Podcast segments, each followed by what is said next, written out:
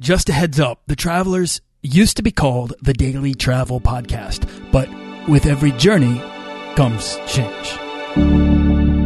This podcast is produced by Holocene, a community of creative travelers. If you want to get serious about planning that next trip, writing that book, starting that creative project, or launching that business, we're breaking down the barriers between where you are where you want to be together at joinholocene.com. That's join, H O L O C E N E.com.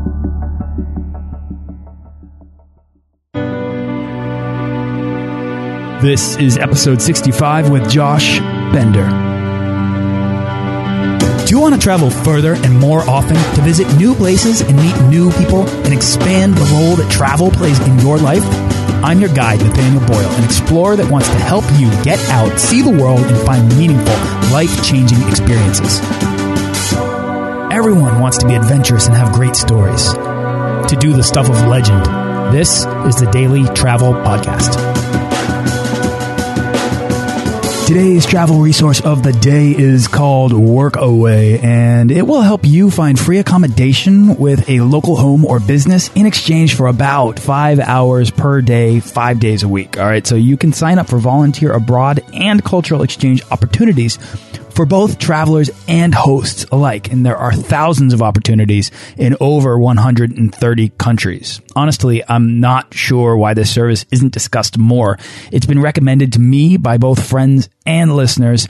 Uh, there's a fee of around $40 US or 30 euros to sign up, but that's a small price to pay for the opportunities available. Head on over to workaway.info to register, browse through what's available, and find the perfect opportunity to immerse yourself in a foreign country, language, and culture. And all of the resources mentioned on this show can be found at dailytravelpodcast.com slash resources. I curate them from personal experience and the recommendations of all my guests who are amazing world travelers and industry experts. So whatever it is you need help with, there's a good chance there's something there that's got you covered. Okay, today's guest, Josh Bender, and his high school sweetheart on their 10th anniversary did something that a lot of us ask ourselves every day why we're not doing. They sold their cars, packed up their family of four, and moved to a nature hut in Bali to give their kids and themselves an amazing opportunity to experience the world. Uh, this was in 2012, and today you can follow their adventures at travelwithbender.com, where they post about living the dream of uh, travel life. Uh, this year, they're off to 15 more countries across Europe and Southern Asia. And I am in awe of how they're doing it with two young kids. I really want to find out how they pull it off and just chat about their journey. So uh, let's welcome Josh Bender. Uh, Josh, thanks for coming Yes. on the show. Thanks very much, Nathaniel. Great to be here. I've given, I've, I've shared a little bit about you, but I want you to tell us about yourself and Erin, uh, who's sick and couldn't be on the call. Tell us about what you do and how you guys got your start traveling. Yeah, how we got started. It was um, I've been running a web design business for a bit over eight years. Oh, hey, you and me both. um, okay, great, great. There you go. And a long time ago, I realised that I didn't really have to be in one particular place at, at, a time to, to work. And uh, I recall maybe five or six years ago floating the idea past Erin saying, hey, you know, what do you think about the idea of nomadic travel lifestyle? But, you know, it's uh, something I'd love to do, and there's lots of benefits to it. And uh, even before we had kids, she thought I was a bit crazy and just sort of dismissed it. But um, as we started traveling more, had kids, we, uh, we obviously loved traveling. But uh, one day uh, we were sitting in a hotel room in, it would have been 2011, and um, I sat out with my calculator and uh, said, hey, do you realise that we're actually saving money by being on holidays right now rather than living in Perth, which now is the 10th most expensive city in the world? And she sort of, I think the light sort of flicked on at that point and realised that, you know, why do we have to go back to Australia every time we travel? Why don't we just keep on going? And so that was kind of the start of uh, how we how we got the ball rolling. And we got back home, started our plans, and uh, about six months later or so, we were um, on our flight to Bali and living the dream. Unbelievable. So tell me about the kind of place that you stayed in Bali. Like what what attracted you to that kind of lifestyle? we chucked ourselves in the deep end. We, we pretty much stayed at very, um, I guess you could call them very Western places uh, up until that point. Whenever, whenever we travelled overseas, and uh, the first place we stayed, the Bali Tea House in Ubud, was uh, very well, more Balinese than Western, which I, I love now. Looking back on it, it was, it was excellent. It was excellent. We loved it, but uh, it was exactly what we needed. It was a bit of a shock. So obviously the biggest shock is just leaving your home country with nothing more than what's in your suitcase and no plan to come back. Um, but then to go straight into you know somewhere where there's you know bugs crawling around your uh, room, not, not in a bad way, but you know not quite used to that kind of thing. Um, no air conditioning, and you know that that kind of. It sounds a bit soft right now, but at the time it was a little bit of a shock for us.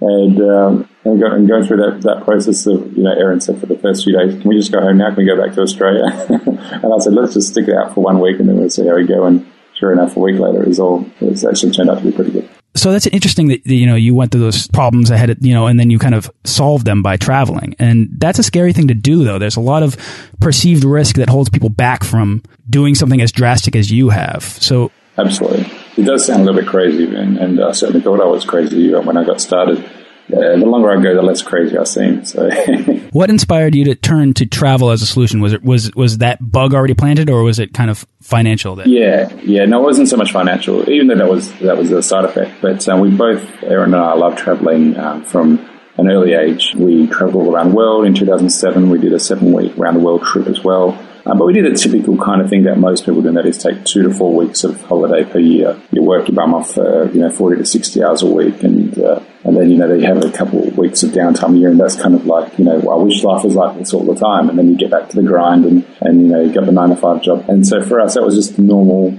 uh, existence. And uh, yeah, we love traveling. We've been to all sorts of parts of uh, Asia before, um, US, and uh, I've been to a bit of Europe. Erin lived in London for a year when she was a bit younger. And, um, and so for us, know, we love traveling. Then we had kids, and we thought, well, why should we stop traveling because we enjoy it so much? And bring the kids along. And uh, when my first child, uh, my daughter Mia, was I think about six weeks old, we took her on her first holiday.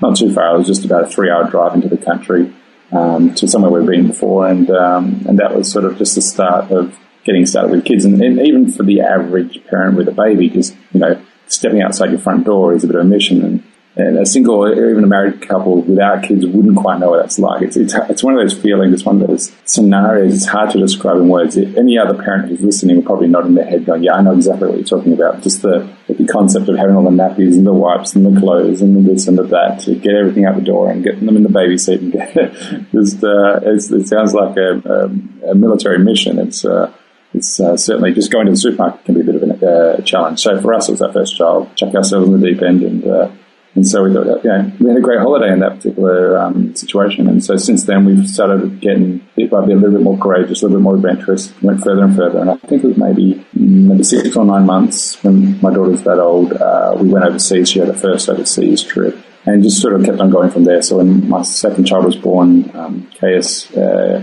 he was only a few months old when we went overseas as well. So for them, it's been part of their life from the very beginning. For them, it's not unusual or weird. It's just everyday, everyday occurrence. And so as we did it more and more, it became easier and easier. We kind of got more and more used to it. And at the end of the day, looking back on it now, um, our kids are now, you know, Case about to turn four and Mia is five. It, it is definitely a tough job being a parent, no doubt about it. It's probably the most rewarding, most thrilling, most exciting careers, most exciting uh, missions in life to raise a child. Um, but to do that without traveling is tricky to do with traveling? Well, I don't think the traveling part's the hard part. I think the hard part is just the, the child raising. Uh, Erin said it before. It's quite funny saying uh, that you know if our kids are going to have a meltdown and chuck a tantrum, I much rather be on a Caribbean beach than doing that than in a urban Perth. So it's just part of you know being a parent and growing and kids growing up that, that also have all sorts of experiences, both positive and maybe sometimes negative. But yeah, as long as we kind of have that can do attitude that we can do this, that it's not not necessarily always easy, but you know, it's doable and more importantly, we understand what the rewards and the benefits are. Then you know we push through those those challenging times and um, and then have those highlights afterwards, and they seem all that much sweeter. So it's, it's, something that looking back now, it's kind of hard to imagine what life was like before all this. But yeah, it was definitely a risk at the time. It was definitely a little bit crazy. I probably made the mistake of not doing enough or any research really before we left. Uh, at the time, when I mentioned it to Erin, um, she thought I was crazy. I thought I was a bit crazy. And, and on our first leg in Bali, we uh, happened to run into someone who said, "Hey, that's kind of cool what you're doing. It's pretty novel. Hey, I just met some another family doing something similar." We got in touch with uh, a family called the Pierces from America. Um, they run a blog, uh, Pierce on Earth, and we had a chat with them over lunch and sort of asked them what they're doing, and they were doing something kind of similar. And I thought, wow, there's two of us in the whole planet doing something similar like this. I thought, wow, that's pretty pretty awesome. And uh, from one connection to another, we eventually realized over a few months that hey, there's a whole community of people doing the same kind of thing. There's a whole group of people caught up on Facebook and various other ways, and um, and realized that we're all not so crazy as I, I first thought I was. It's kind of reassuring to know that I'm not the only one thinking this way. and, and, and and now we've made some you know really awesome friends through that. And funnily enough, the the, the Pierce family was just staying with us uh, for four days um, uh, last weekend. So uh, they came over here to Perth to check it out first time being in Australia, and now we got to show them around a bit. And, uh, and so it's kind of a bit of a circle from them being the first uh, travelling family we met now to seeing how things are two years later. It's uh, it's quite a remarkable journey. That's so cool. The one thing that really stood out to me was your suggestion that traveling the world is an everyday occurrence for your children, and what an experience you're you're giving them the opportunity to have to to experience the complexities of the world as they grow, as they kind of develop a definition of reality. I think that's amazing. Have you found that your children adapt to the lifestyle? Or yeah, yeah def definitely. Well, they're both very fairly resilient. My daughter's um, very social, so it doesn't matter where she goes. She loves talking to people. She gets on a train, she finds the first person she can and talks to them, and finds another kid, and they become best friends.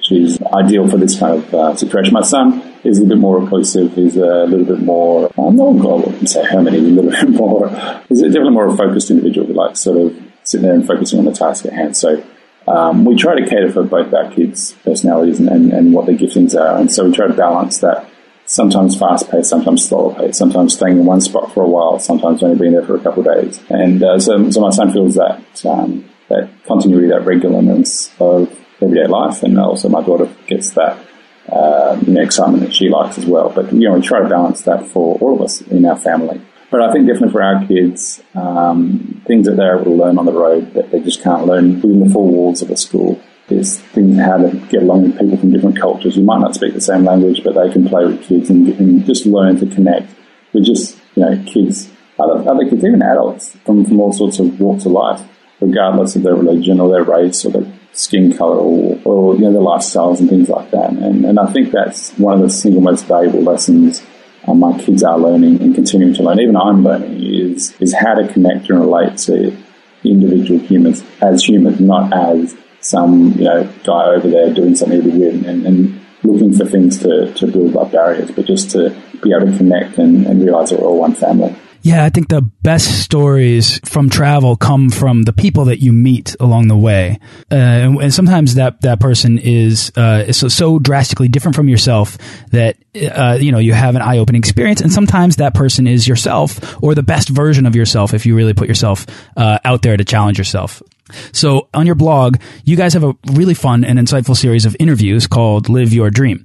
And the message you're sharing with that series is like is right in line with this show. So I, I, just wanted to riff on that just a little bit. What inspired you to start this series? Well, what we learned from talking to other traveling families, couples, singles, anyone traveling, kind of a similar lifestyle, whether they've got kids or not, is that there are things that they're doing that we can learn from. And so anytime we bump into people around the world, we try to glean as much as we can from them. And we've learned so much so far you know, a great deal from little things like little tips how to pack your suitcases all the way through where to go, what's the best country for us next, and uh, and everything in between. And, uh, and, we found this really valuable and helpful. And so I thought, well, why not share this um, this experience with our with our readers? And uh, you know, we don't have all the answers. We, we enjoy and love sharing our stories with um, with our readers, and we do have some really helpful good tips. But um, you know, there's so much other stuff out there. We would like to bring that to the table.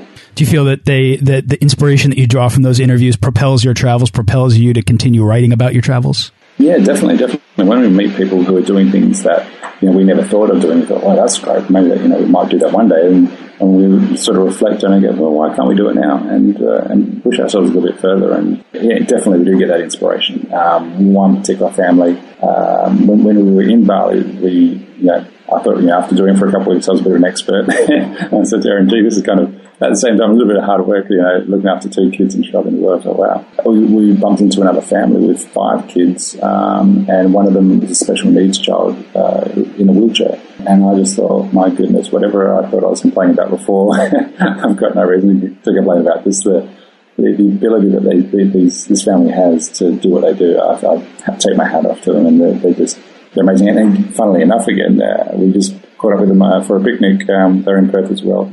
And so, again, yeah, just learning from what they're doing and sharing stories and just connecting in great ways. You know, I, I think it's important to keep asking the questions, kind of like you're doing in your interview series, kind of like I'm doing to you, because I have this opportunity to chat with somebody who's living kind of a lifestyle that I really am pushing myself over the edge to do asking the questions is what defines you as uh, explorers. Uh, we as people can easily become kind of addicted to new things, and we need to satisfy that urge in order to quote unquote live our dreams. I, I feel like, you know, in order to say every day, wow, look at look at the lifestyle that I'm living. Let, me look around. Let me take stock of where I am. So, if you guys take stock of your lives right now, would you say you're living the dream?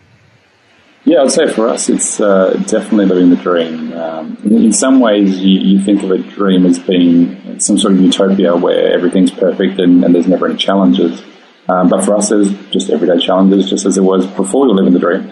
So in, in, that in that sense, I'm not looking for nirvana or utopia. What we are looking for is reality. We're looking for humanity. We're looking for you know experiencing the best thing this planet has and that it's that people have that nature has, and learning from it, becoming better people because of it, uh, making the world a better place as we can, wherever we can because of that.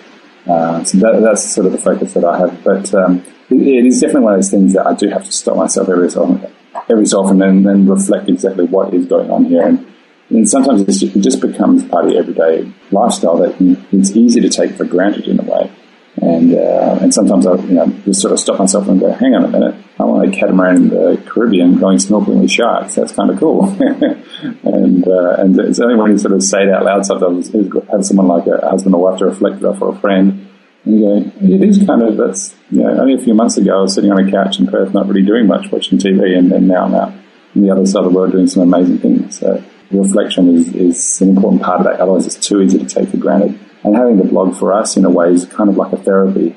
It helps us to process through our thoughts, to not only share the stories and the advice and, and the tips that we've learned, but for us ourselves is um, we, have a journal in a way of what we've done, where we've been. It's so easy, easy to forget it. And, uh, and but also go, hang on a minute. I look at those photos and go, wow, I actually was there. And then always might strive wherever possible to be in the moment at the time, wherever we are. Um, but it's so easy just to let it slip by, and then you look back at the photos and go, "I was actually there. I can't believe it." And that's always something I'm working on: is uh, being more present in the moment. Sure. I mean, travel, I feel like once you put yourself into those experiences, once you find yourself having them or having them happen to you, you really become more aware of your surroundings. The aperture opens and you take in what's happening because it's strange, because it's different. I think your brain is, is telling you to pay attention. And once you pay attention, that's attention is the mother of memory. And then you start having experiences you never forget and they become amazing stories.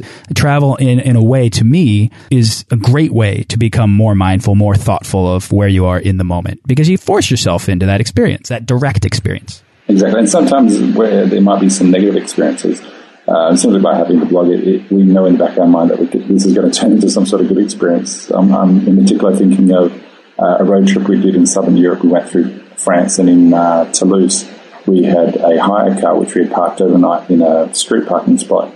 And uh, when we woke up the next morning to get to our car, it was not there it turned out that it had been towed away by the police. And at the time, it was one of the most stressful experiences because we were traveling with uh, my wife's parents and they had already, they, they, were supposedly starting on a road trip which was going to be four hours and we had no car and no way of communicating with them. Eventually, we did catch up with our car and I remember sitting afterwards, a few, a good few hours later, uh, reflecting on it with Erin, saying, you know what, even though it was a very stressful morning with a whole bunch of challenges, at least it's going to make for a good story for our blog. it's just the silver, silver lining on the cloud all the time. Even if you have a challenge, it might be a good story for the blog. Well, the more you, the more you travel, the more you're able to kind of adapt to those kinds of situations. You're able to kind of shrug off the the challenges, step up to the plate, and take that swing at anything that comes your way. And, and I think that's I think that's great because that right there was very much the, the, explorer's mindset of how to handle a life problem that could happen back back home, could happen anywhere. You don't even have to be on the road to have your car towed uh, and to deal with that unexpected uh, discomfort. So, Josh, I got to ask you, what's uh, one piece of advice, you know, to get started that you have for someone like me, who has the skills, who uh, runs his own business that can be done anywhere, who has a family willing to travel, and who's a little hesitant to leave family and friends behind because of all of the obvious reasons, the risks involved, the concerns of taking a child on the road, and the, I mean, that's very, that alone, I feel like is, is tough enough. So, but, you know, I, I understand the value of travel to me to my family and and in life. So what's what's one piece of advice you might have for me? Well, it's kind of uh, two sides of the same coin. One, one tip is start small, and uh, for us, it was as simple as taking our newborn to on a holiday three hours away. And when we felt like, hey, we can actually do that, then we went further and further. We went into the state, and then we went overseas until it got to a stage where it was like, okay, we can do this. If we had just thrown ourselves with a newborn, went to a completely different country with a different language, different culture, we would have flipped out and had a meltdown. Um, so I think taking those baby steps to get where you need to go. The flip side of that is at some point you have to take that big step and, and it feels scary and it feels like I've got no idea what I'm doing. It feels a bit like I must be crazy because the rest of the world's not doing this kind of thing. And, um, and so you kind of have to take that leap of faith and eventually at some point it happens. And, and for us, it's kind of happening again. It's not just a one-off occurrence. Uh, we've, uh, after two years of travel, returned back to Perth um, just for a couple months. Main purpose is originally was a uh, family member's wedding and um, and then also to sell off uh, gear around our house that was still you know, been sitting around for two years. Um, we didn't really need it anymore, so uh, we came back to sell as much as we could and uh, before we get going again. And for us now that we're literally in the process now of just a couple of days away from flying out, it kind of feels a little bit like you know we now have to take that big step again. And it, it became very comfortable, it became very familiar in Perth I didn't need a GPS to get you know down to the local mall. I knew exactly where everything was and understood the culture. And so almost stepping back into it was, it felt in a way taking the same big leap again, but I know I've done it before, so I can do it again. But, you know, emotionally I and going through all the mental things, it still, you know, feels like a bit of a, a, big step. But it's not so scary now knowing what we've already accomplished before. It's, it's a little bit more reassuring. The biggest, the, those big leaps of faith become, they feel less scary as, as, as time goes by, as more of them happen. So, um, but you know, one thing that does help that is definitely doing a bit of research and more importantly, connecting with other people online, which I didn't do. Um, to know that if I'd known beforehand that there were hundreds of other, maybe hundreds, dozens and dozens of other families connecting online on Facebook, doing the same kind of thing that we share ideas with, that we had like almost a support network, that would have made life so much easier. But uh, I've learned that now in, in hindsight. So that's definitely something um, when in taking those leaps of faith, do a little bit of research. Don't sort of procrastinate too long.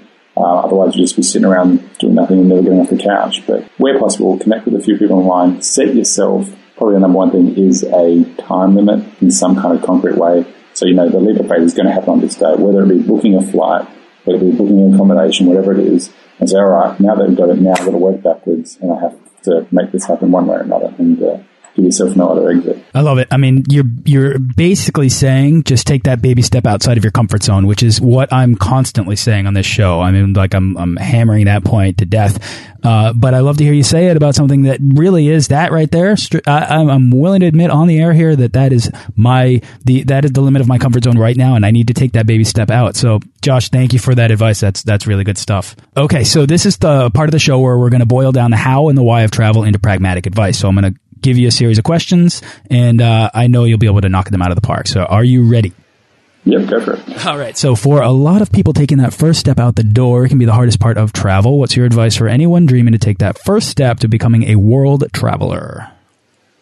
Excellent. A little bit what I've just touched on, but um, definitely the first thing is having a plan. Uh, and for us, I'm a very organized kind of guy. Um, before we started world travel, I made a spreadsheet. I realized, okay, this is going to be a pretty big task to unwind everything that we've done in our day to day life. It felt like almost I was on a treadmill, and how do you step off the treadmill without face planning it? Uh, a spreadsheet is the answer to that. So uh, I worked out, okay, if we have to you know, lease out our house, if we have to sell our cars, if we have to sell a whole bunch of gear, if I need to sort out you know, insurances and uh, tickets and accommodation and all these things, it sounds just a bit overwhelming. You just don't want to get off the couch and do anything. You don't want to stand up and try. So I broke it down. I, I, I sort of took into bite-sized chunks, set each of these things a timeline, worked out the sequence of when things need to be done, and said, all right, now I've got a plan. And so it didn't feel so scary. I knew, okay, this week, this is my task to do. Okay, make that happen next week. All right, that's my task to do. And, uh, and bit by bit, I knew that I was making progress, which felt good. I, I knew I was getting closer to the, the end result I was after. But at the same time, it's kind of like the saying, you know, how do you eat an elephant? It's one bite at a time. Um, so when you've got a big task like that, uh, getting started, then uh, being organised about it. But at the same time, when we, when we came to the crunch, uh, we had to book a flight, we had to uh, find a tenant. When we did find a tenant, it actually sped up our, uh, our time frame.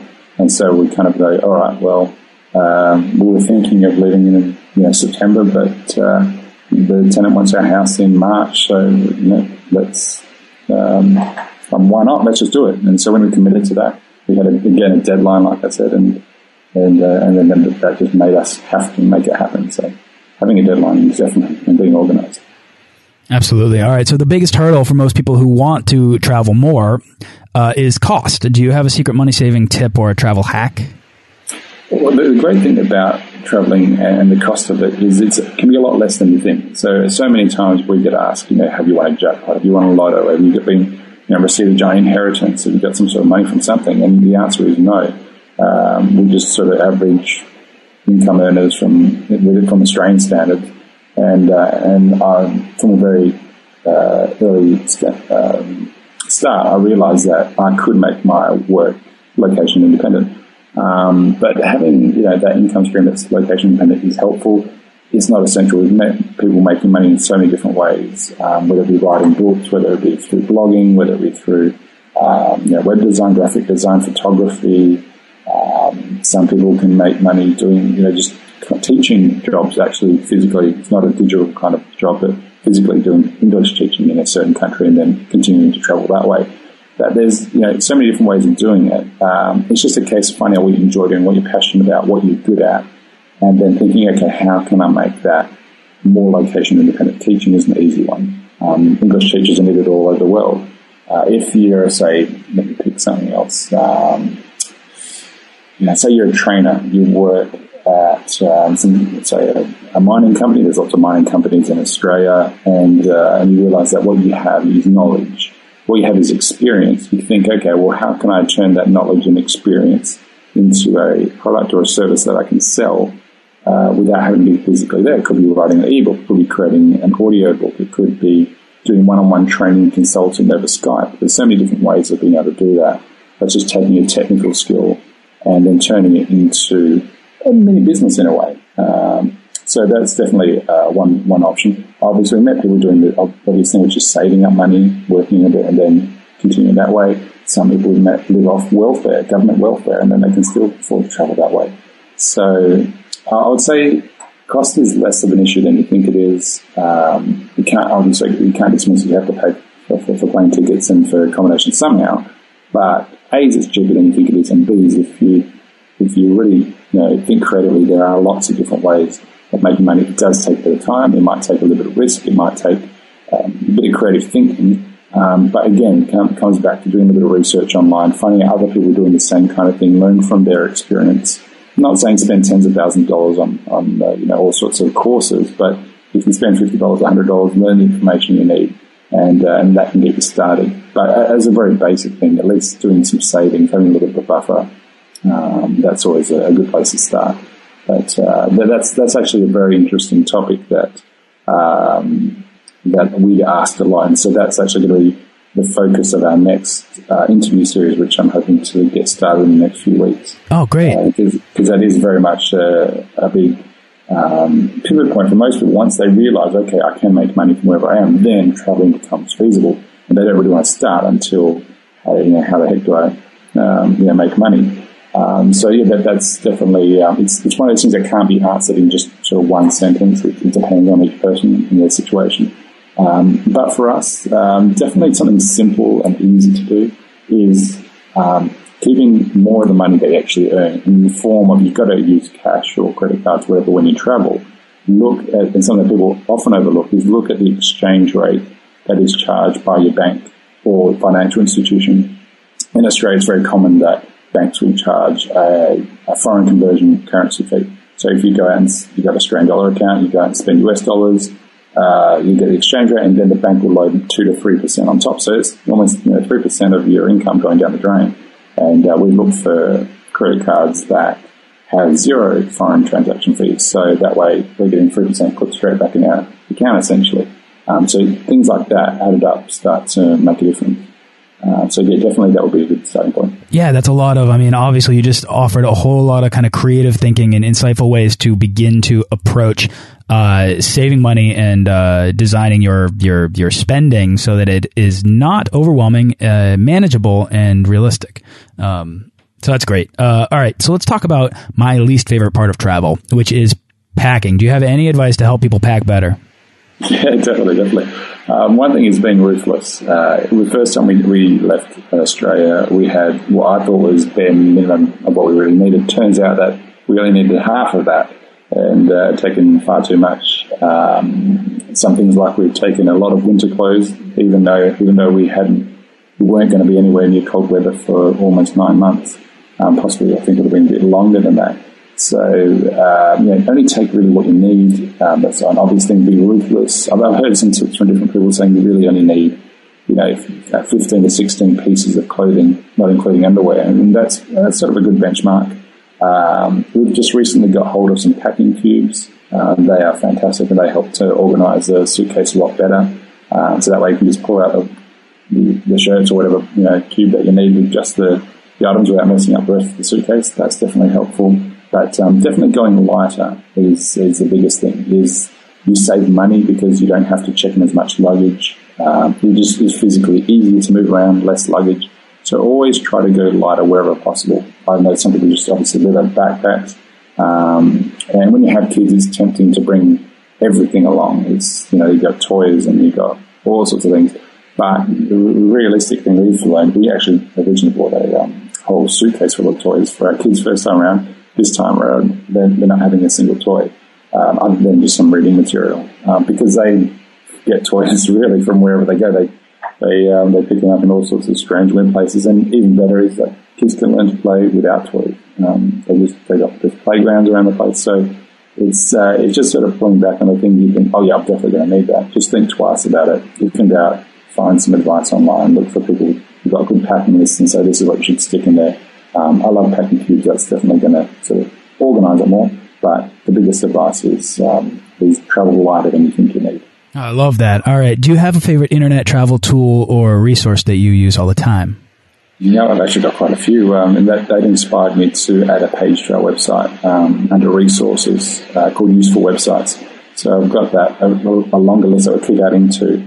Um, there's a whole range of different ones, um, anything from finding flights to hotels to um, tracking costs, and, and, there's apps as well. They're, they're great for you know, tracking your money spend.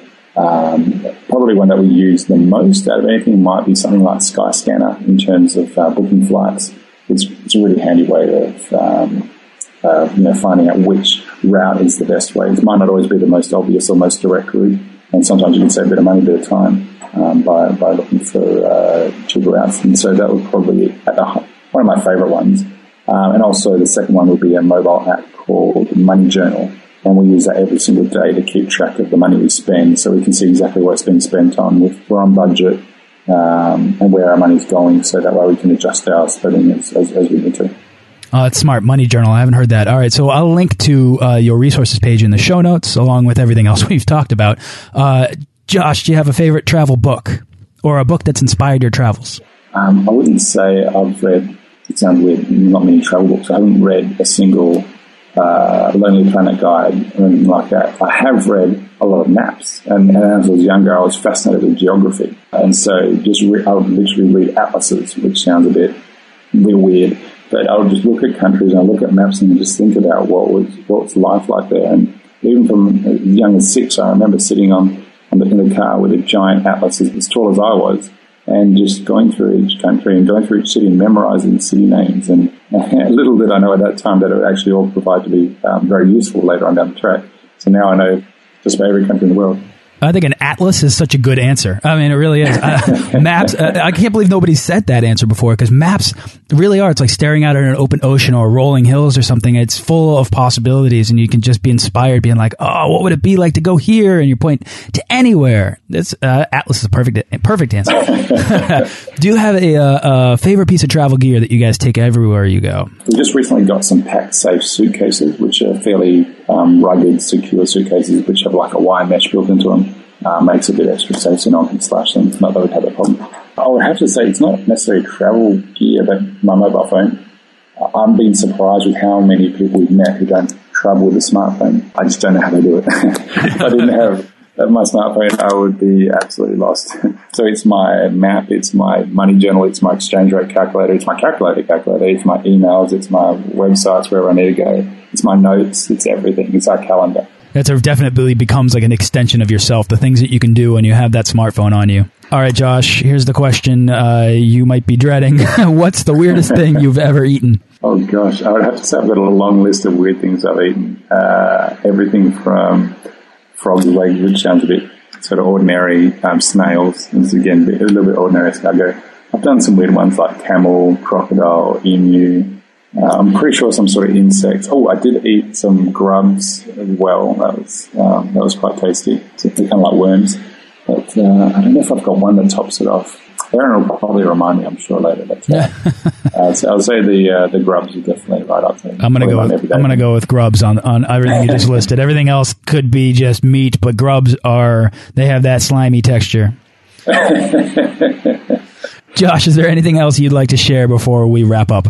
Oh, no. Well, thank you so much for the opportunity to have a chat and, and share our story a little bit more. And uh, I think yeah, anyone who's considering um, you know, a travel lifestyle, the, the good thing about listening to this type of podcast is learning from other people's experiences and realize that hey, it is possible. It's not just a, an out there dream. You don't have to be ridiculously rich. You don't have to be ridiculously smart.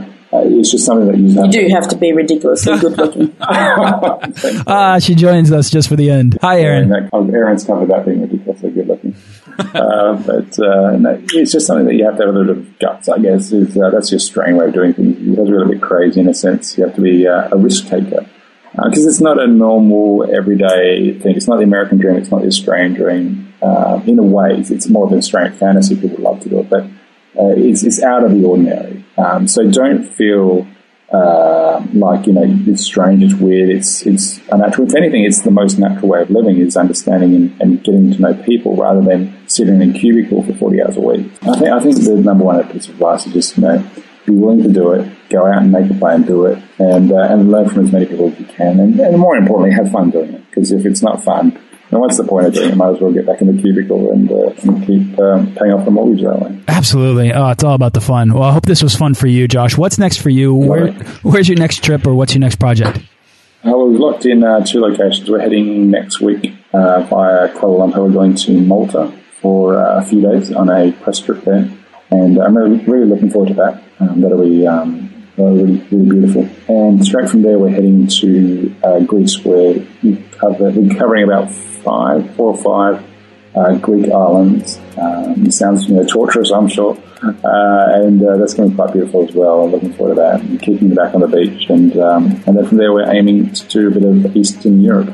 So um, we can't, can't, you know, we try to keep things fairly flexible. Um, hoping this year to go a bit slower than we did last year, uh, just to make things a bit more uh, you know, slower paced, a bit more sustainable for us. But definitely there'll be lots of adventure, lots of fun stuff. But where can people go to find more about you, Josh and Erin? Yeah, definitely. Uh, well, check out our blog, uh, travelwithbender.com. Um, we're on Facebook as well, Travel with Bender, and uh, on Twitter as well. Uh, we're on Pinterest, uh, so you name it, we're there. Uh, definitely uh, heavy on Instagram. I love using Instagram. I take photos and share them all the time.